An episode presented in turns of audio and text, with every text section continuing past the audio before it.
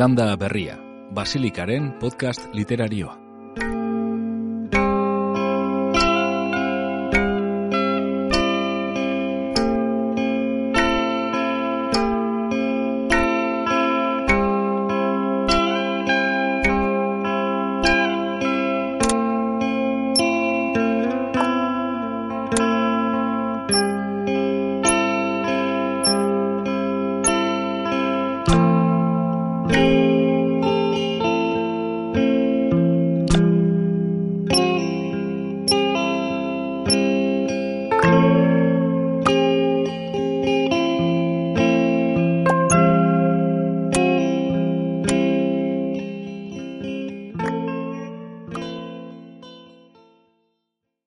Berezi hartua eta bainat sarasola.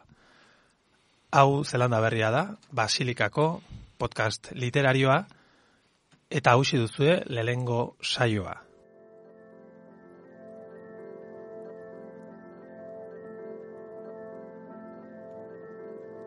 Zergatik ezin duan malau urteko nerabe batek bera baino geita masei urte zarragoa den norbait maitatu.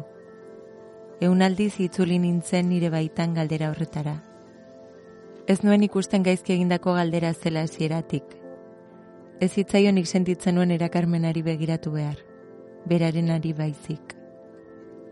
Egoera oso diferente izango zen adin berarekin erabat maintemendu izan banintz, berrogeita hamarreko gizon batez zeinak, moral guztien despit, nire gaztetasunaren aurrean amore emango zuen, aurretik beraren adineko hainbat emakumerekin harremanak izan ondoren eta zeinak eutxi ezinezko tximista kolpe batek jota bere buruari utzi izan balio behin, baina behin bakarrik nera bebat maitatzen.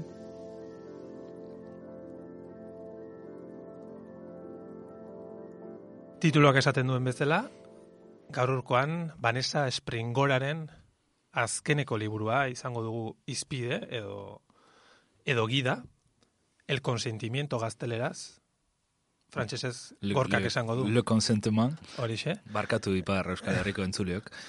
Eta bere izango da nolabait gure gida, e, baina e, gida horretatik egingo duguna da hitz egin literaturaz, abusuaz, onespenaz, abusuaren errepresentazioez, nola kontatu abusua, abusua kontatzeak ze suposatzen duen literarioki, estetikoki, etikoki, Eta hortaz arituko gara lehengo saio honetan, ez da gorka?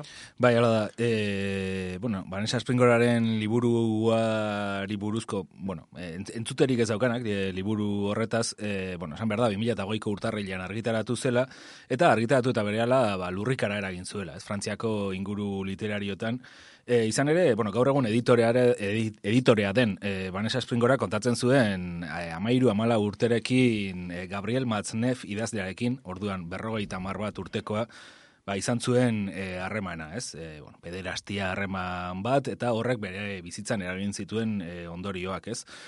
E, esan bezala, sekulako eskandalua eragin zuen e, horrek frantziako inguru literarioan, eta mm, ba, Matznefen liburuak argitaratzen zituen argitaletxari, e, Galimarri, ba, ordura arte hartu gabeko erabaki bat e, hartzera e, bultzatu zuen, ezta? E, eraman zuen, e, bueno, Gabriel Matznefen liburu guztiak e, dendetatik e, kentzera.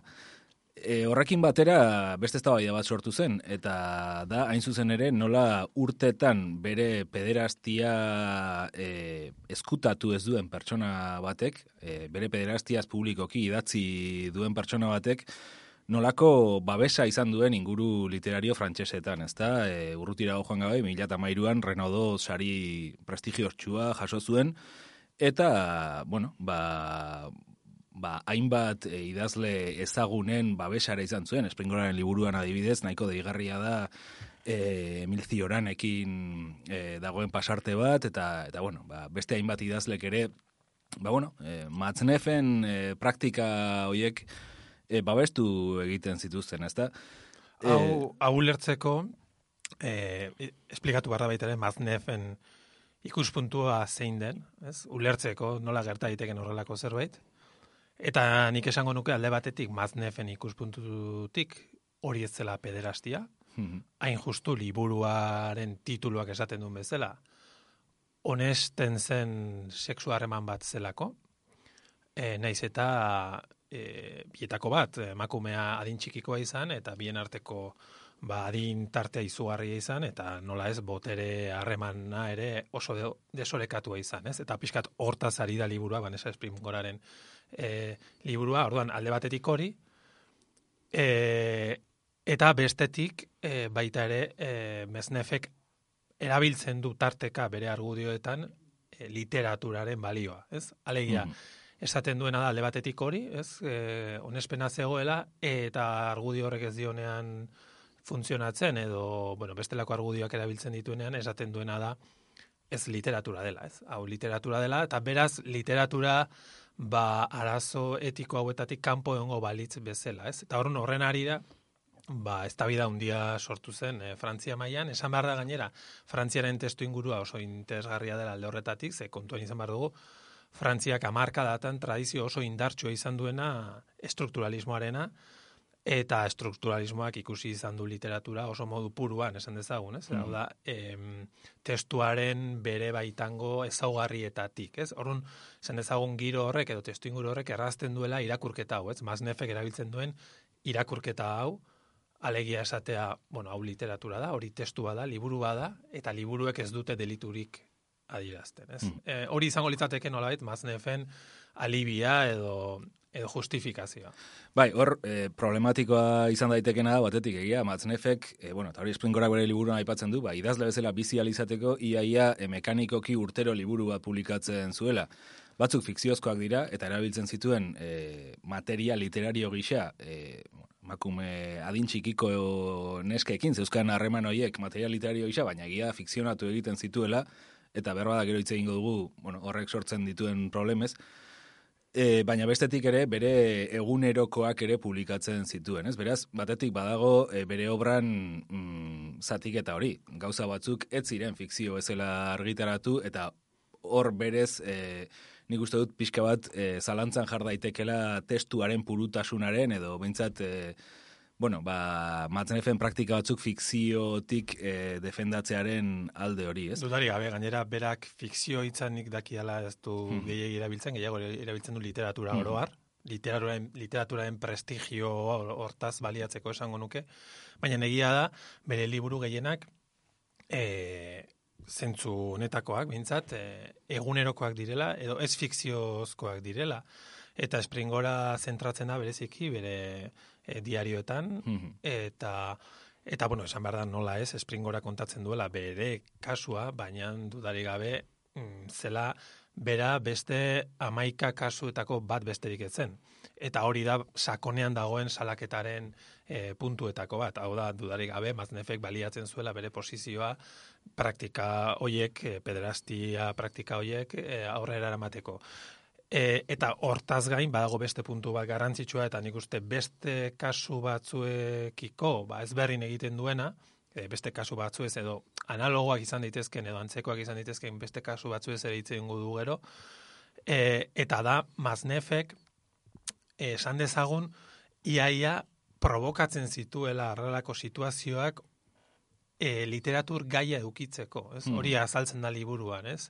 Hau da, ze konektatua zegoen maznefen barruan, liburuak, zuk esan duzu bezala, urtero liburu bat ateratzea, mm. eta bere bizitza hori, ez? Hau da, iaia bizi zen literaturarako, eta bere buruaren barruan literatura interesgarriaz zegoen zerikusia zuen literatura interesgarri horrek ba, e, bere praktika sexual eta afektibo hiek edukitzearekin. Osun, bereziki perversoa da zentzu horretan ere hmm. nefen kasua, ez? Ba, eta baina interesgarria Springoraren liburuan hori biktimaren ikuspegitik kontatzen duela, ez? Eta azkenean, e, ba, nolabait, biktimizazio bikoitz bat ere badagoela, alde batetik, e, eduki zituen harreman horiek, beraren eragin zuten nagatik, Baina bestetik ere, e, gero bere burua e, literaturako material bihurtuta ikusi zuelako, eta bere, bere esanetan, ba, bueno, e, bere burua oso modu desitxuratuan agertzen delako Matznefen e, liburu hoietan, ezta?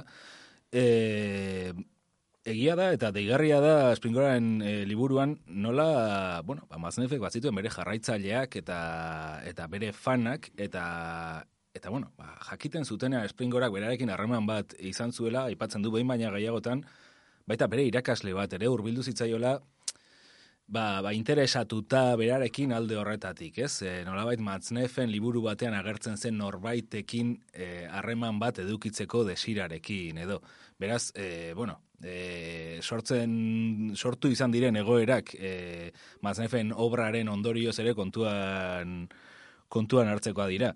Gero, bestetik ere, e, bueno, liburuaren interesa edo nik uste badagoela, hauzia oso modu gordinean eta komplexuan esplikatzen duena. Hau da, Springorak berak aitortzen du behin baino gehiagotan, bera e, txoratuta eta mainte menuta zegoela mm. maznefekin. Hau da, hori ez du okatzen, baina e, salatzen duena da maznefen manipulazio maila eta batez ere harreman erabat desorekatu batean, mm. eta ez bakarri berarekin egitea, baizik eta hori hainbat e, neska gazterekin e, egitea, ez? Eta erabiltzen du, da, esplikatzen da baita ere, nola literatura bera, zuk esan duzu moduan, erabiltzen den seduzio, ara, la, sedukzio arma bezala, ezta?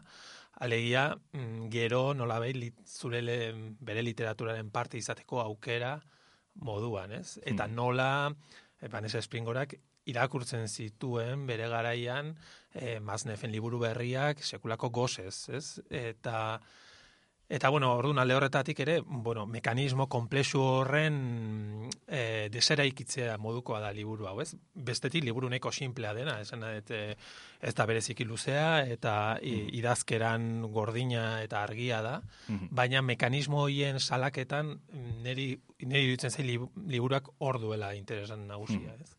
Bai, gero, interesgarria ere, beste puntu bat, e, lekonsenteman liburuan, ni behintzat oso digarri egin zitzaiena da, bueno, honen guztiaren testu ingurua, ez da? E, zeren, bueno, iruro eta zortziko maiatzaren osteko giro horretan e, gertatzen da Matznefen eta Springoraren arteko harreman hau, Eta testu inguru horrek e, badu eragin zuzen bat ere horren garapenean. E, izan ere, ba, bueno, e, espringorak aipatzen du bere amaren jarrera e, matzen efekiko, baita beste heldu askorena ere, eta nola baita, ba, bueno, iruro eta zortziko maiatzaren osteko e, giro horretan, ba, bazidu dien, askapen sexualaren izenean, e, adin txikikoekin harremanak edukitzea ere, ba, nolabait menu horren barruan sartzen zela, ezta? Eta hor, bueno, bago e, episodio nahiko deigarri bat, iruroita mazazpigarren urtean gertatu da, eta da, ba, hainbat intelektual frantsesek e, nola eskatu zuten praktikan e, pederastiaren zigorgabetasuna e, dokumento publiko batean, ez? Gero, aipatuko dugun Simon de Beauvoir, aipatuko dugun Simon de Beauvoir edo Jean-Paul Sartre daude, baina, bueno, e, Gilles Deleuze, e, Jacques Derrida, François Dolto, Michel Foucault, e, bueno, mm, hainbat, hainbat eta hainbat dira, ez? E, eta hori ere bada beste puntu interesgarri bat, e, honen guztiaren testu ingurua ulertzeko, eta bizkadak garai batean kokatzeko ere. Bai, nik uste liburu honek maigaineratzen duen gauzetako bada, e, gauzi hauek, mm, bueno, gauzi gehiena bezala esango nukenik, e, ezin aztertu daitezkela modu dikotomiko batean, ez? E, alde batit pentsa dezakegu ba, askatasun sexualen aldekoa daudela eta bestetik ba baskotan esaten den moral tradizional eta konservadorearen aldekoak, ez? Ta injustu liburu honek planteatzen duena da, mm, ez ez, e, bien erdibide horretan eta kasuan kasu eta kasuistika guztiak, testu inguru guztiak aztertzen, ikusi bar dela zeintzu diren zein den egoerak e, kasu bakoitzean, ez? Eta alde horretatik badago kritika hori zuk esaten duzun hori, ez? E, ba, askatasun sexualaren izenean e, plantatutako plantamendu nahiko absurdo eta eta praktikan ba, e, ba ahularen kontra dijoazten e, aldarikapen batzuk, ez? Eta eta hortik badu eta horrekin lotzen da era berean e, bueno, kasu nahiko berezi bat, e, Vanessa Springorakin gertatu zena, e, eta da, e, bueno, liburuan kontatzen dena, eta da, bueno, Maznef e, apostrof izeneko saio famatura joan zen, bere diarioetako bat aurkestera, e, apostrof saioa telebistan, e, telebista frantseseko saio literario ezagunena hmm. eta historikoena da, Eta bertan, ba, tertulia bat egin zuten emaznefen liburuaren inguruan, eta ikusten da, e, sai horretan, ze modu harinean jorratzen duten gaia hori, e, ia modu e, pivot bera de, dela e, orkeslea eta mm. en ze modu harinean, ze modu ba, humorez, ez? Ba, mm. baina zuk... E, Ze, haze, liburuan kontatzen dituzu, ze, gaztetxoekin dituzun harreman horiek, eta, jo, iaia, haze sorte, sortekoa zaren, edo horrelako zerbait, ez, esaten dute, benetan oso giro deserosoak gaur egungo ikuspuntutik, edo gure ikuspuntutik, edo Vanessa Springorak salatzen duenaren e, ikuspuntutik, baina badago emakumezko idazle bat horri aurre egiten diona, ez? E, Eta, bueno, hor, bueno, adibide polita da ikusteko alde batetik, ze, e, ze modu onartuan, onartzen ziren kontu hau guztiak, e, orokorrean, eta nola, ze esfortzu egin zuen idazle horrek mm, hori salatzeko mm. momentu horretan, telebistan eta zuzenean, ez? Baiz, e, testu inguru hartan, eta hori espringorak e, nik uste duen baina gehiagotan aipatzen duela, e, gutxi gara era, e, santu jale batzuk eta oso jende konservadoreak bakarrik ba, bueno, nolabait e, jartzen zion bainaren bat, ez? E, ba, Maznefen diskursoari, edo Maznef bezelakoen diskursoari, ez? Vous, êtes, vous êtes quand même un collectionneur de minettes. Et, et, et, alors, par exemple, d'ailleurs, vous faites des bilans de temps en temps. Forme éblouissante, donc, et mes amours en témoignent. La conquête en trois jours consécutifs de trois inconnus, dont deux vierges, Marie-Agnès, Aude et cette Brigitte S, euh, avec qui j'ai fait l'amour de toutes les façons, quasi sans interruption. Un peu plus loin. Récapitulons. Depuis mon retour en Suisse, j'ai fait l'amour avec Pascal, Marie-Elisabeth, Elisabeth, Agnès, Denise, Florence, Maria, Aude, Brigitte S, Pascal B, Marie-Agnès, Marie-Laurence. Agnès m'a plaqué. Et avec Elisabeth, c'est tout bien fait. En 20 jours, quatre nouvelles maîtresses, Aude, Brigitte, Pascal B et Marie-Laurence. Alors, et je me dis, est-ce que, la question est un petit peu vulgaire, mais est-ce que vous baisez pour votre journal aussi? Euh, oui, Denise Bombardier. Oui, écoutez, moi je crois que je, je vis actuellement sur une autre planète parce que j'arrive d'un continent où il y a un certain nombre de choses auxquelles on croit. Nous sommes à la fin du XXe siècle. Nous défendons les droits de la personne, les droits à la dignité, le droit à l'intégrité des personnes. Et une des choses que l'on défend maintenant, parce qu'il y a une charte du droit des enfants, c'est le droit des enfants et des jeunes à être des jeunes et on les protège. Moi, M. Maznev me semble pitoyable.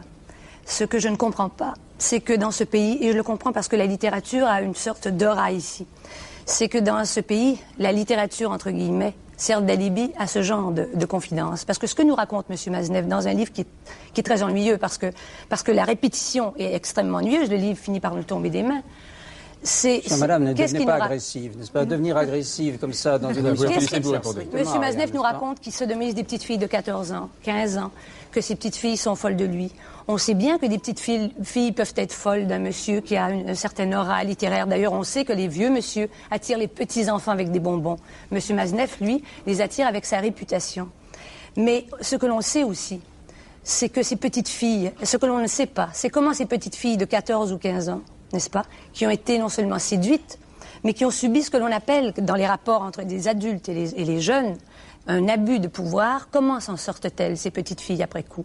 Moi, je crois que ces petites filles-là sont, flétries. Et la plupart d'entre elles flétries peut-être pour le restant de leur jour. Tout ça semble, semble bien... Euh, tout ça est enveloppé, bien sûr. Mais je crois effectivement que quand on parle, quand on veut dénoncer l'apartheid quelque part, quand on veut dénoncer la torture ailleurs, quand on veut dénoncer la violation des droits de, de, des gens. Et à la fin du XXe siècle, comme je dis, on en est rendu là. Je crois qu'on ne peut pas défendre ça. Et moi, je ne comprends pas comment on peut publier des Chère choses Madame, comme ça. Gabriel Masneff. Je, heureusement pour vous, je suis un homme courtois parce que vraiment, euh, je trouve insensé de parler de comme vous venez de le faire. Ah, ça, je suis sûr que vous trouvez oui. ça insensé, vous. Ça, j'en suis convaincu. Vous n'avez pas lu mon livre, vous l'avez feuilleté. Dans ce livre, il y a des rencontres d'amour, de séduction réciproque. Je, euh, je ne suis pas du tout, je suis le contraire d'un macho, d'un type qui force qui que ce soit à faire quoi que ce soit. Et ce sont, je me permets de vous rappeler, des amours durables. Toutes les, les jeunes personnes qui sont là sont restées dans ma vie et m'ont aimé, et peut-être certaines même encore, pendant de très nombreuses années et euh, vous insistez, est-ce qu'il y a beaucoup, la plupart de ces jeunes filles d'ailleurs, euh, non, il n'y a pas une jeune fille de 14 ans, il y a des jeunes filles qui, ont deux ou trois ans de plus, qui ont tout à fait l'âge de vivre des amours. Elles tombent sur un homme qui n'est pas un monstre de laideur, qui est relativement lettré, qui est assez bien élevé, qui est peut-être très gentil et qui peut-être les rend très heureuses. Et je vous interdis de porter des jugements, de ce genre de jugement. D'abord parce qu'un livre, c'est une écriture, c'est un ton, c'est un univers. Je suis et donc, d'abord, portons un jugement sur un livre d'abord savoir si c'est un livre d'un écrivain, si c'est un beau livre. La s'il y a un ton. littérature ne, pas- ne peut pas servir d'alibi. Il y a des limites dit- même à la littérature. Il n'y a pas de limite à la Et je crois littérature. que si M. Maznev était plutôt un employé anonyme de n'importe quelle société, je crois qu'il aurait des comptes à rendre avec la justice de ce Mais pays. il n'y a absolument aucun. Ah, qu'est-ce Enfin, que là, vous je en crois pensez vraiment, c'est un, c'est- ça devient absolument Quel est votre avis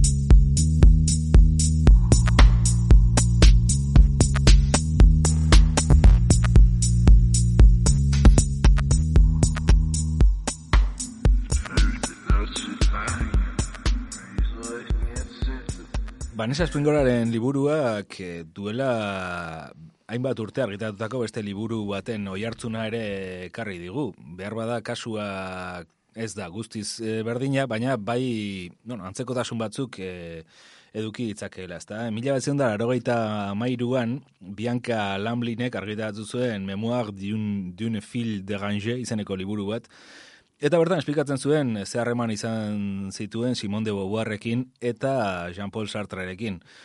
Mm, segurazki liburuak ez zuen eh, provokatu Springoraren liburuak eh, eragin duen erreakzioa, ba, oso garai diferentetan argitaratu direlako, ezta? E, Springorarena azken finean e, Me Too mugimenduak eragindako da, mundu mailako olatuaren baitan e, lekua dauka, Eta aldiz, eh, Bianca Launlinek bere kasua esplikatu zuenean, bueno, Soviet batasuna erori berri zen, eta nolabait mundu osoko ezkerra alako krisi batean sartuta zegoen, eta hor segurazki ba, e, ezkerraren ikono intelektual batzuk ukitzea, ba, gauza problematikoago bat e, izan ziteken. E, kausa posible bat izan daiteke. Nola nahi den ere, e, bueno, Lamlinek liburu hartan e, esplikatzen zuen, Ba, ba bueno, e, bera Simon de Beauvoirren ikasle izan zela, eta nola Simon de Beauvoirrek nolabait berarekin harremanak izan zituen, eta harreman horiek gero, gero erabili zituen e, bera nolabait Jean-Paul Sartreren esku usteko, ezta? E, harreman horrek bera suntxituta utzi zuen, e, personalki, baina urtetan ez zuen e, kontatu zer gertatu zitzaion, Mila beratzerion eta larogeita amarrean, e, Simon de Beauvoirren e, alaba adoptiboak, Silbi Lebonek argitaratu zituen arte de Beauvoirren egunerokoak.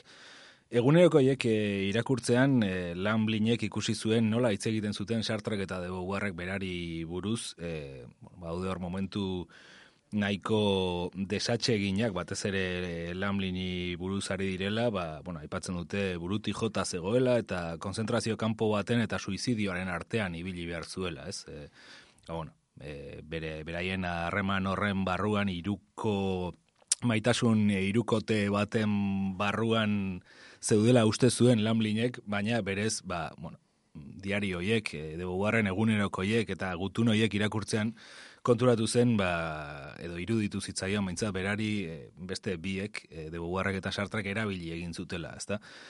E, bueno, nei honek e, pizten dit bizka bat, batetik e, antzekotasun bat egon daiteke e, lehen aipatu dugun Springoraren kasuarekin, Baina nik uste diferentziak handiagoak direla, ez? Eta honek eskandalurik sortu ezak baituela beste kausa batzuk. E, azken finean, Maznefen obra behiratzen baldin badugu, e, bueno, ba, pederastia gai zentral bat da, eta aldiz dugu guar eta sartrerenean e, ez da ala, ez? Eta bestetik ez dago, e, ba, bueno, e, praktika hauek publikoki aldarrikatzeko jarrera bat behar bada dugu guarren eta sarteren kasuan maznefenean bai, ez? Bai, maznefenean hori agerikoa baita, oda, maznefek nola bait, e, ospatu egiten du, berari gertatzen zaiona, ez?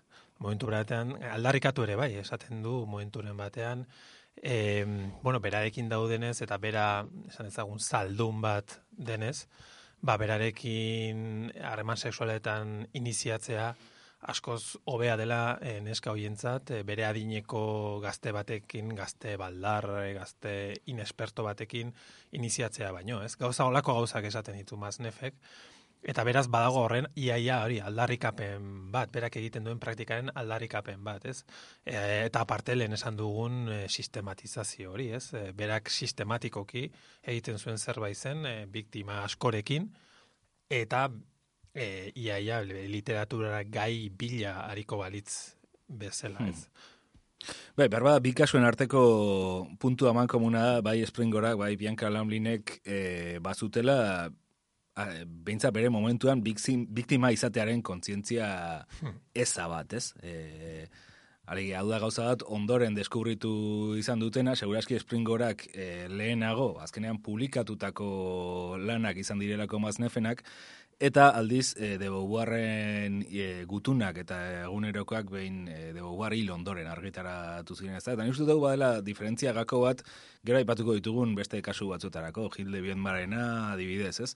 E, nola gauza baden literarioki pederastia e, esplotatzea eta pederastia bihurtzea material literario baten erdigune, e, eta nola beste kasu batean dagoen, eta hau da, nolait ez da klasiko bat, e, idazlearen bizitza eta idazlearen obraren arteko desberdintze bat, ezta? E, bai, momentu batean publikatzen dira e, persona baten e, gutun eta testu pertsonalak, baina nolabait e, aurretik egonda idazle horren e, bueno, obraren korpusa lehenago e, ba, gorpuztu den zerbait izan da, ez? Eta beraz, beste presentzia badauka material horiek argitara atera baino, lehen. Eta ni uste hori dela, ba, bueno, e, diferentzia markatzen duen zerbait eta eztabaida hauetan niri behintzat e, nahiko, bueno, e, ipar bat iruditzen zaiana edo lerro bat markatzen duena, ez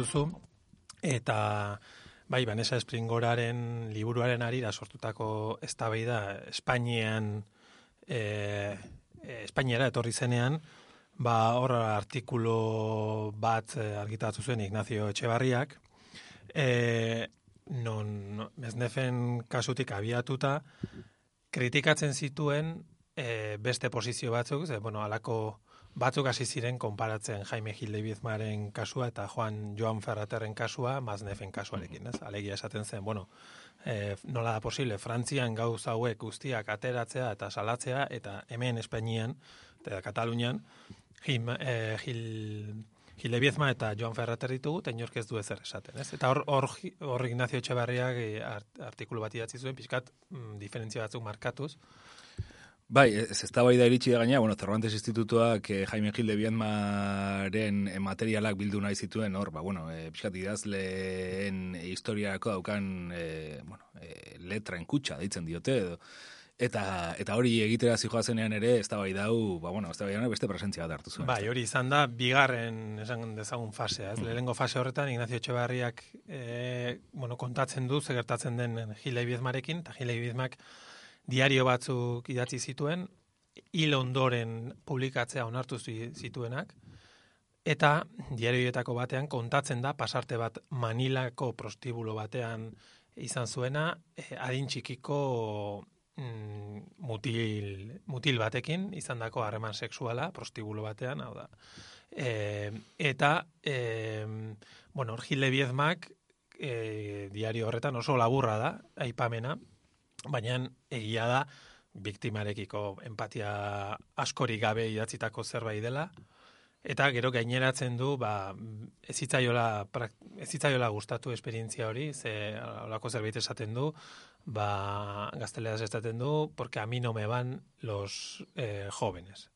Eh, eta horren arira, ba, bueno, ba, eh, polemika guztia sortu da Gil Miezmaren inguruan. Eta, bueno, hor, alde batetik esan beharko genuke, eh, zuk eh, lehen esandakoa ez, alegia ezin dela konparatu Maznefekin, Maznefen lehen eh, deskribatu dugun praktika, eh, erre- praktika errepikatu bada, erabat konstientea, eh, erabat... Bai, eh, metodikoa. metodikoa, finean, bai. Eta Gile Bizmarena da, ipu bat diario batean, gerora publikatutakoa.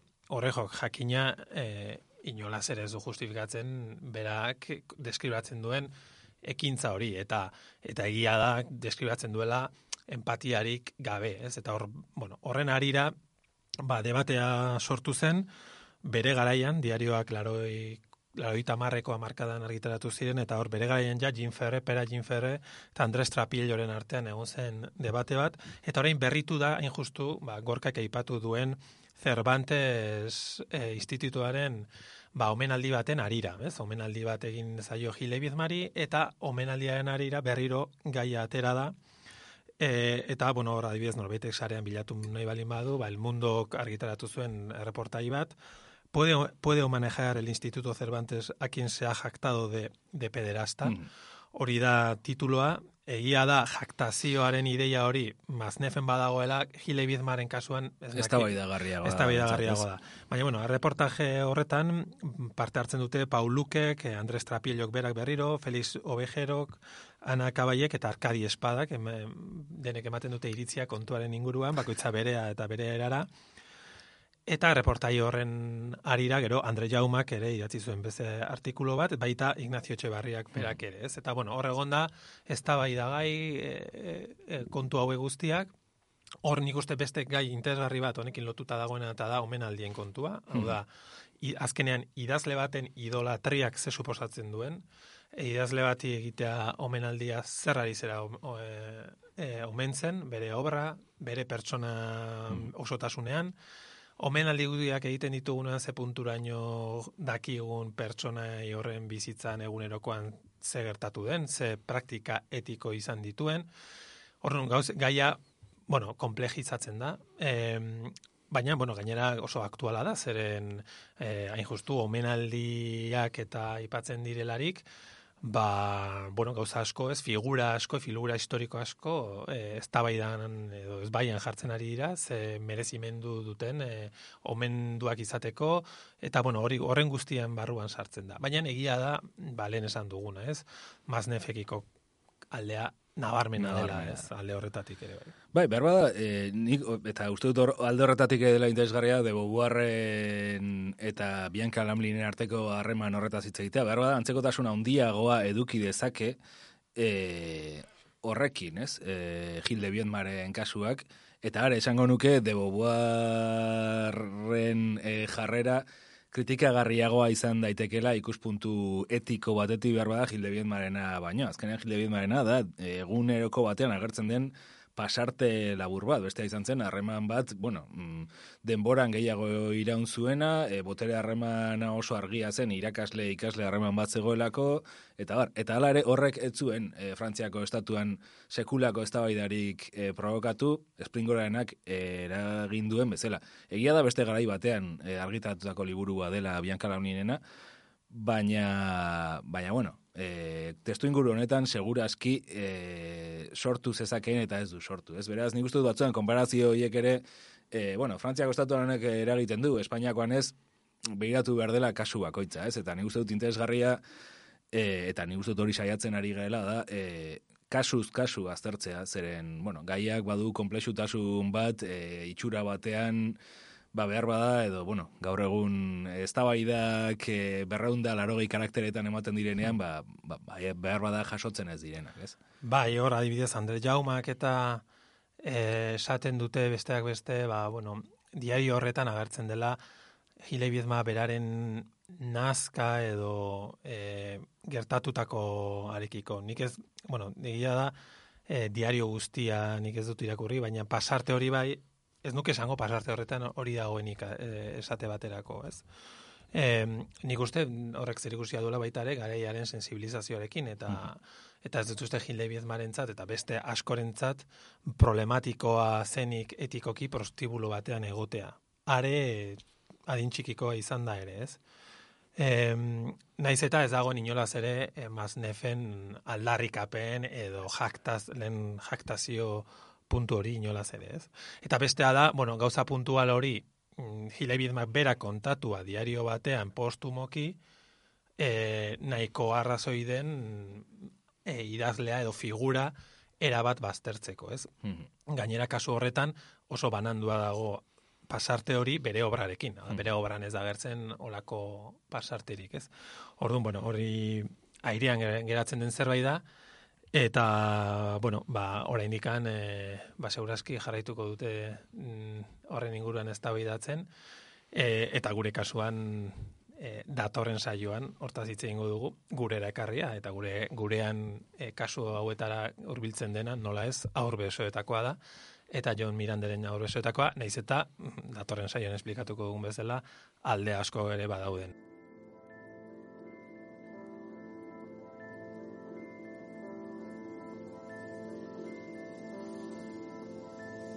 Heldu baten eta mabost urtetik berako adin txikiko baten arteko harremanak legez kanpokoak badira? Zergatik dago alako tolerantzia elite baten, argazkilari, idazle, zinegile, margolari, ordezkari batek egiten dituenean? Sinetxi behar da artista parteko kasta bateko kide dela, bertute gorenak dituen izaki bat, zinari alguztidun izaten uzten diogun trukean obra original eta subertxibo bat besterik jaso gabe.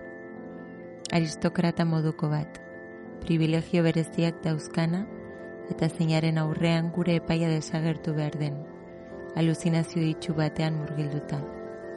Literaturak dena barkatzen ote du?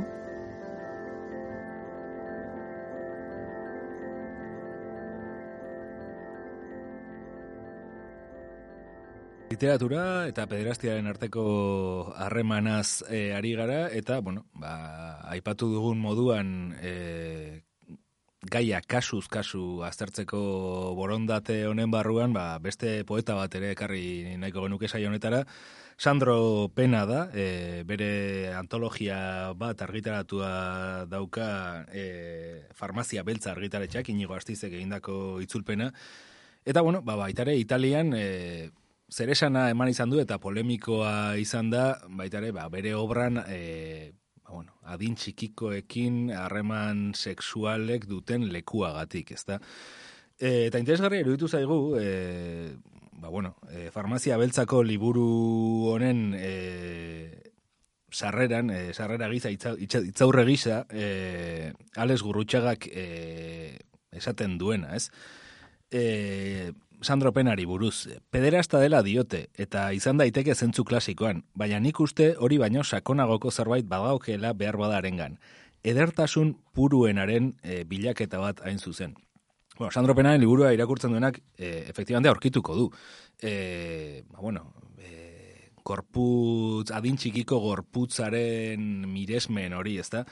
E, gurrutxagak dio, e, eta nik uste dut interesgarria dela hori, momentu penian no gisa e, deskribatzen du, ezta? E, eta poetaren element, e, obraren elementu klabetakoa da. Baina klabe bada, seguraski, berak poesia idazteko zeukan moduaren gatik, ezta? Gurrutxagak esaten digu, bere poemetan beti bi sujeturen arteko ezi, askatu ezinezko tensio bat aurkitzen dugula, e, eta poetak begiratzen duena, e, mutiko gazteak izan da noi direla, ez dagoeneko aurrak, baina ez da helduak ere, eta edertasun horrek liluratzen duela poeta, baina era berean dela edertasun bat iritsi ezinezkoa dena, ezta?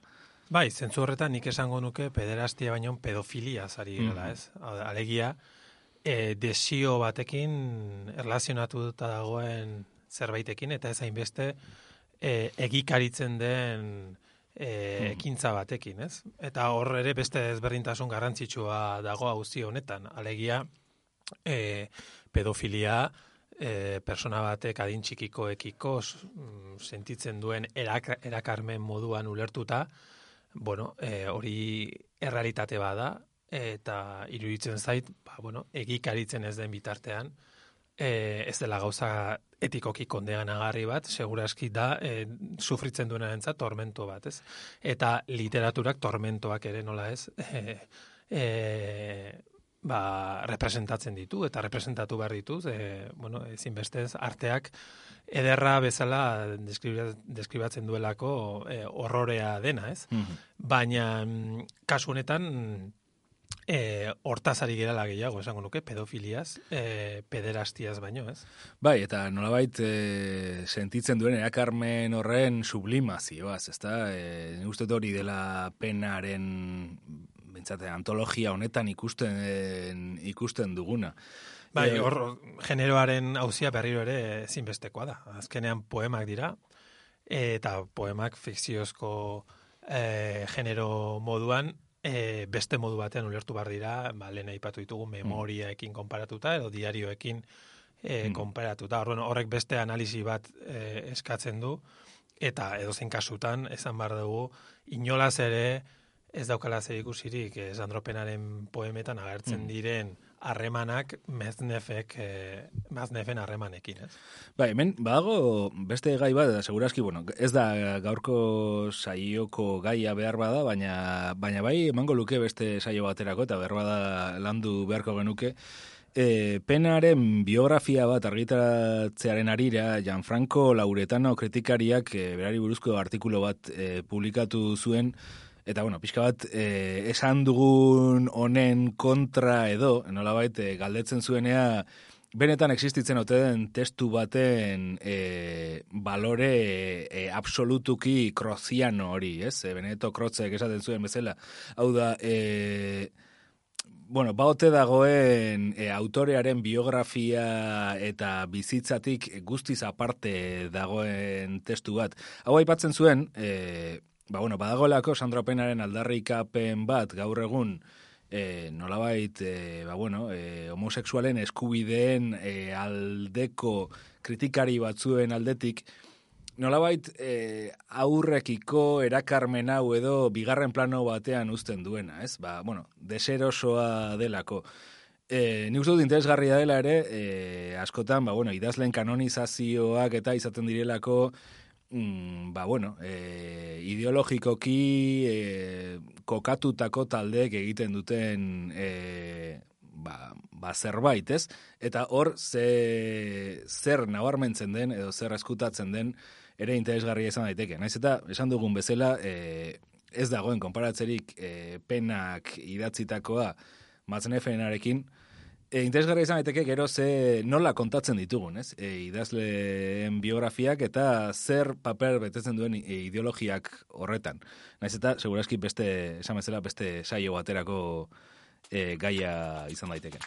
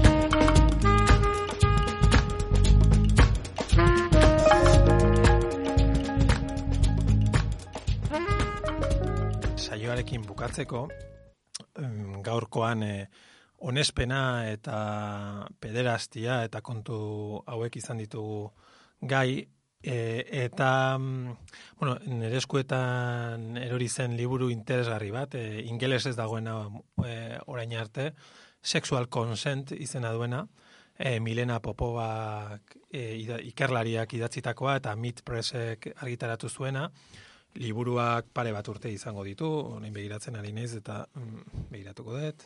Bi, bai, 2000 emeretziko liburu bada, ez dago itzulia eta nire ustez gai hauek jorratzeko sekulako liburua da eta hemendik e, gomendatzen dugu e, euskerazko argitaletxeei eta azken boladan zorionez mota honetako liburuak eta argitaratzen dituzten bilduma badaude, ba, gomendatzen dugu begiratzeko, ze benetan e, liburu argigarria da gai hauek eh, jorratzeko. E, bueno, Milena Popova ikerlari feminista bada, eta sexu, sexu onespenaren gaia e, jorratzen du oso modu komplexuan. E, Eta, bueno, bestak beste, ba, mituren arira sortutako paradigmen inguruan aritzen da, esaten du feminismoaren modu, eh, barruan lau modu daudela sexu honespena ulertzeko, nolabait orokorrean, ba, lehenengo litzateke feminismo radikalarena laroiko amarkadan proposatu zena, gero izango litzateke ez ez ez da e, mugimendua, gero bai baietz da mugimendua, eta azkenik berak okatzen den,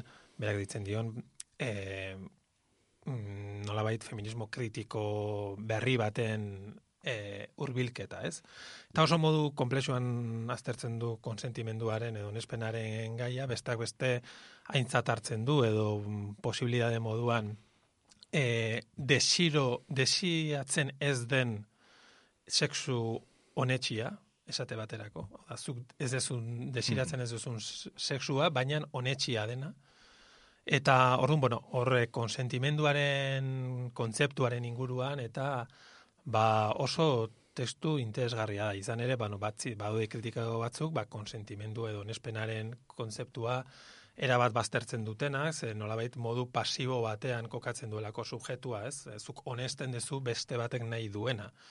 E, Milena Popoaren planteamendua ez da hori, da berak esaten du konsentimenduak eta onespenak baduela horrelako ernamuin erradikal eta iraultzaile bat kontua dela borrokatzea kontzeptu hori, ez? Bueno, laburpetzen ari naiz asko bere liburua, baina bueno, e, bukatu nahi genuen gomendio honekin, e, gomendite, gomendio teorikoagoa da, baina bueno, nik uste merezi duela. Sexual consent, e, Milena Popova, Eta honekin batera aprobetxatuko dugu esateko, ba, saioan zehar aipatu diren referentziak eta artikuluak eta e, basarean jarriko ditugula, gure plataformetan e, referentziak zuzenean sartu alizateko, norbetek ikusi eta irakurri nahi balin baditu, eta musikarekin gauza bera. Bai, hori da, e, bueno, Raikiabik 606 taldearen musika erabili dugu saio honetan guztian e, zehar, Eta bueno, ba, hau izan da, Zelanda Berriaren e, lehenbiziko programa. Eta gogoratu, datorren saioan, gai honekin jarraituko dugu, baina ja Euskal Herriera ekarriko dugu. Eta Jon Miranderen aurbesoetakoa zarituko gora ikuspuntu honetatik. Mm Beraz, eh, espero dugu gustuko izan dizuela, eta urrenko saioan eh, entzungo dugu elkar. Ondo izan.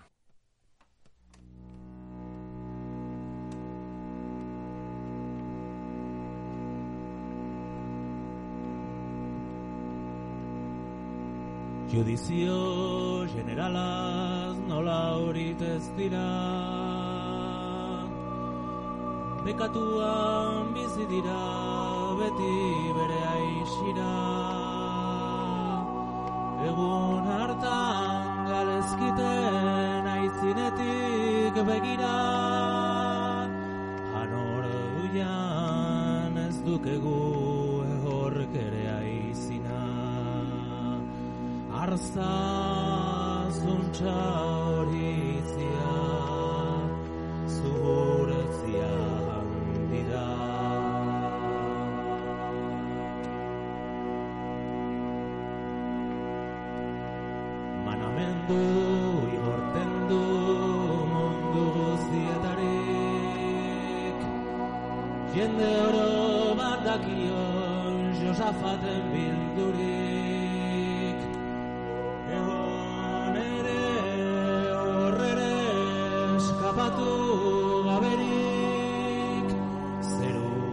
behar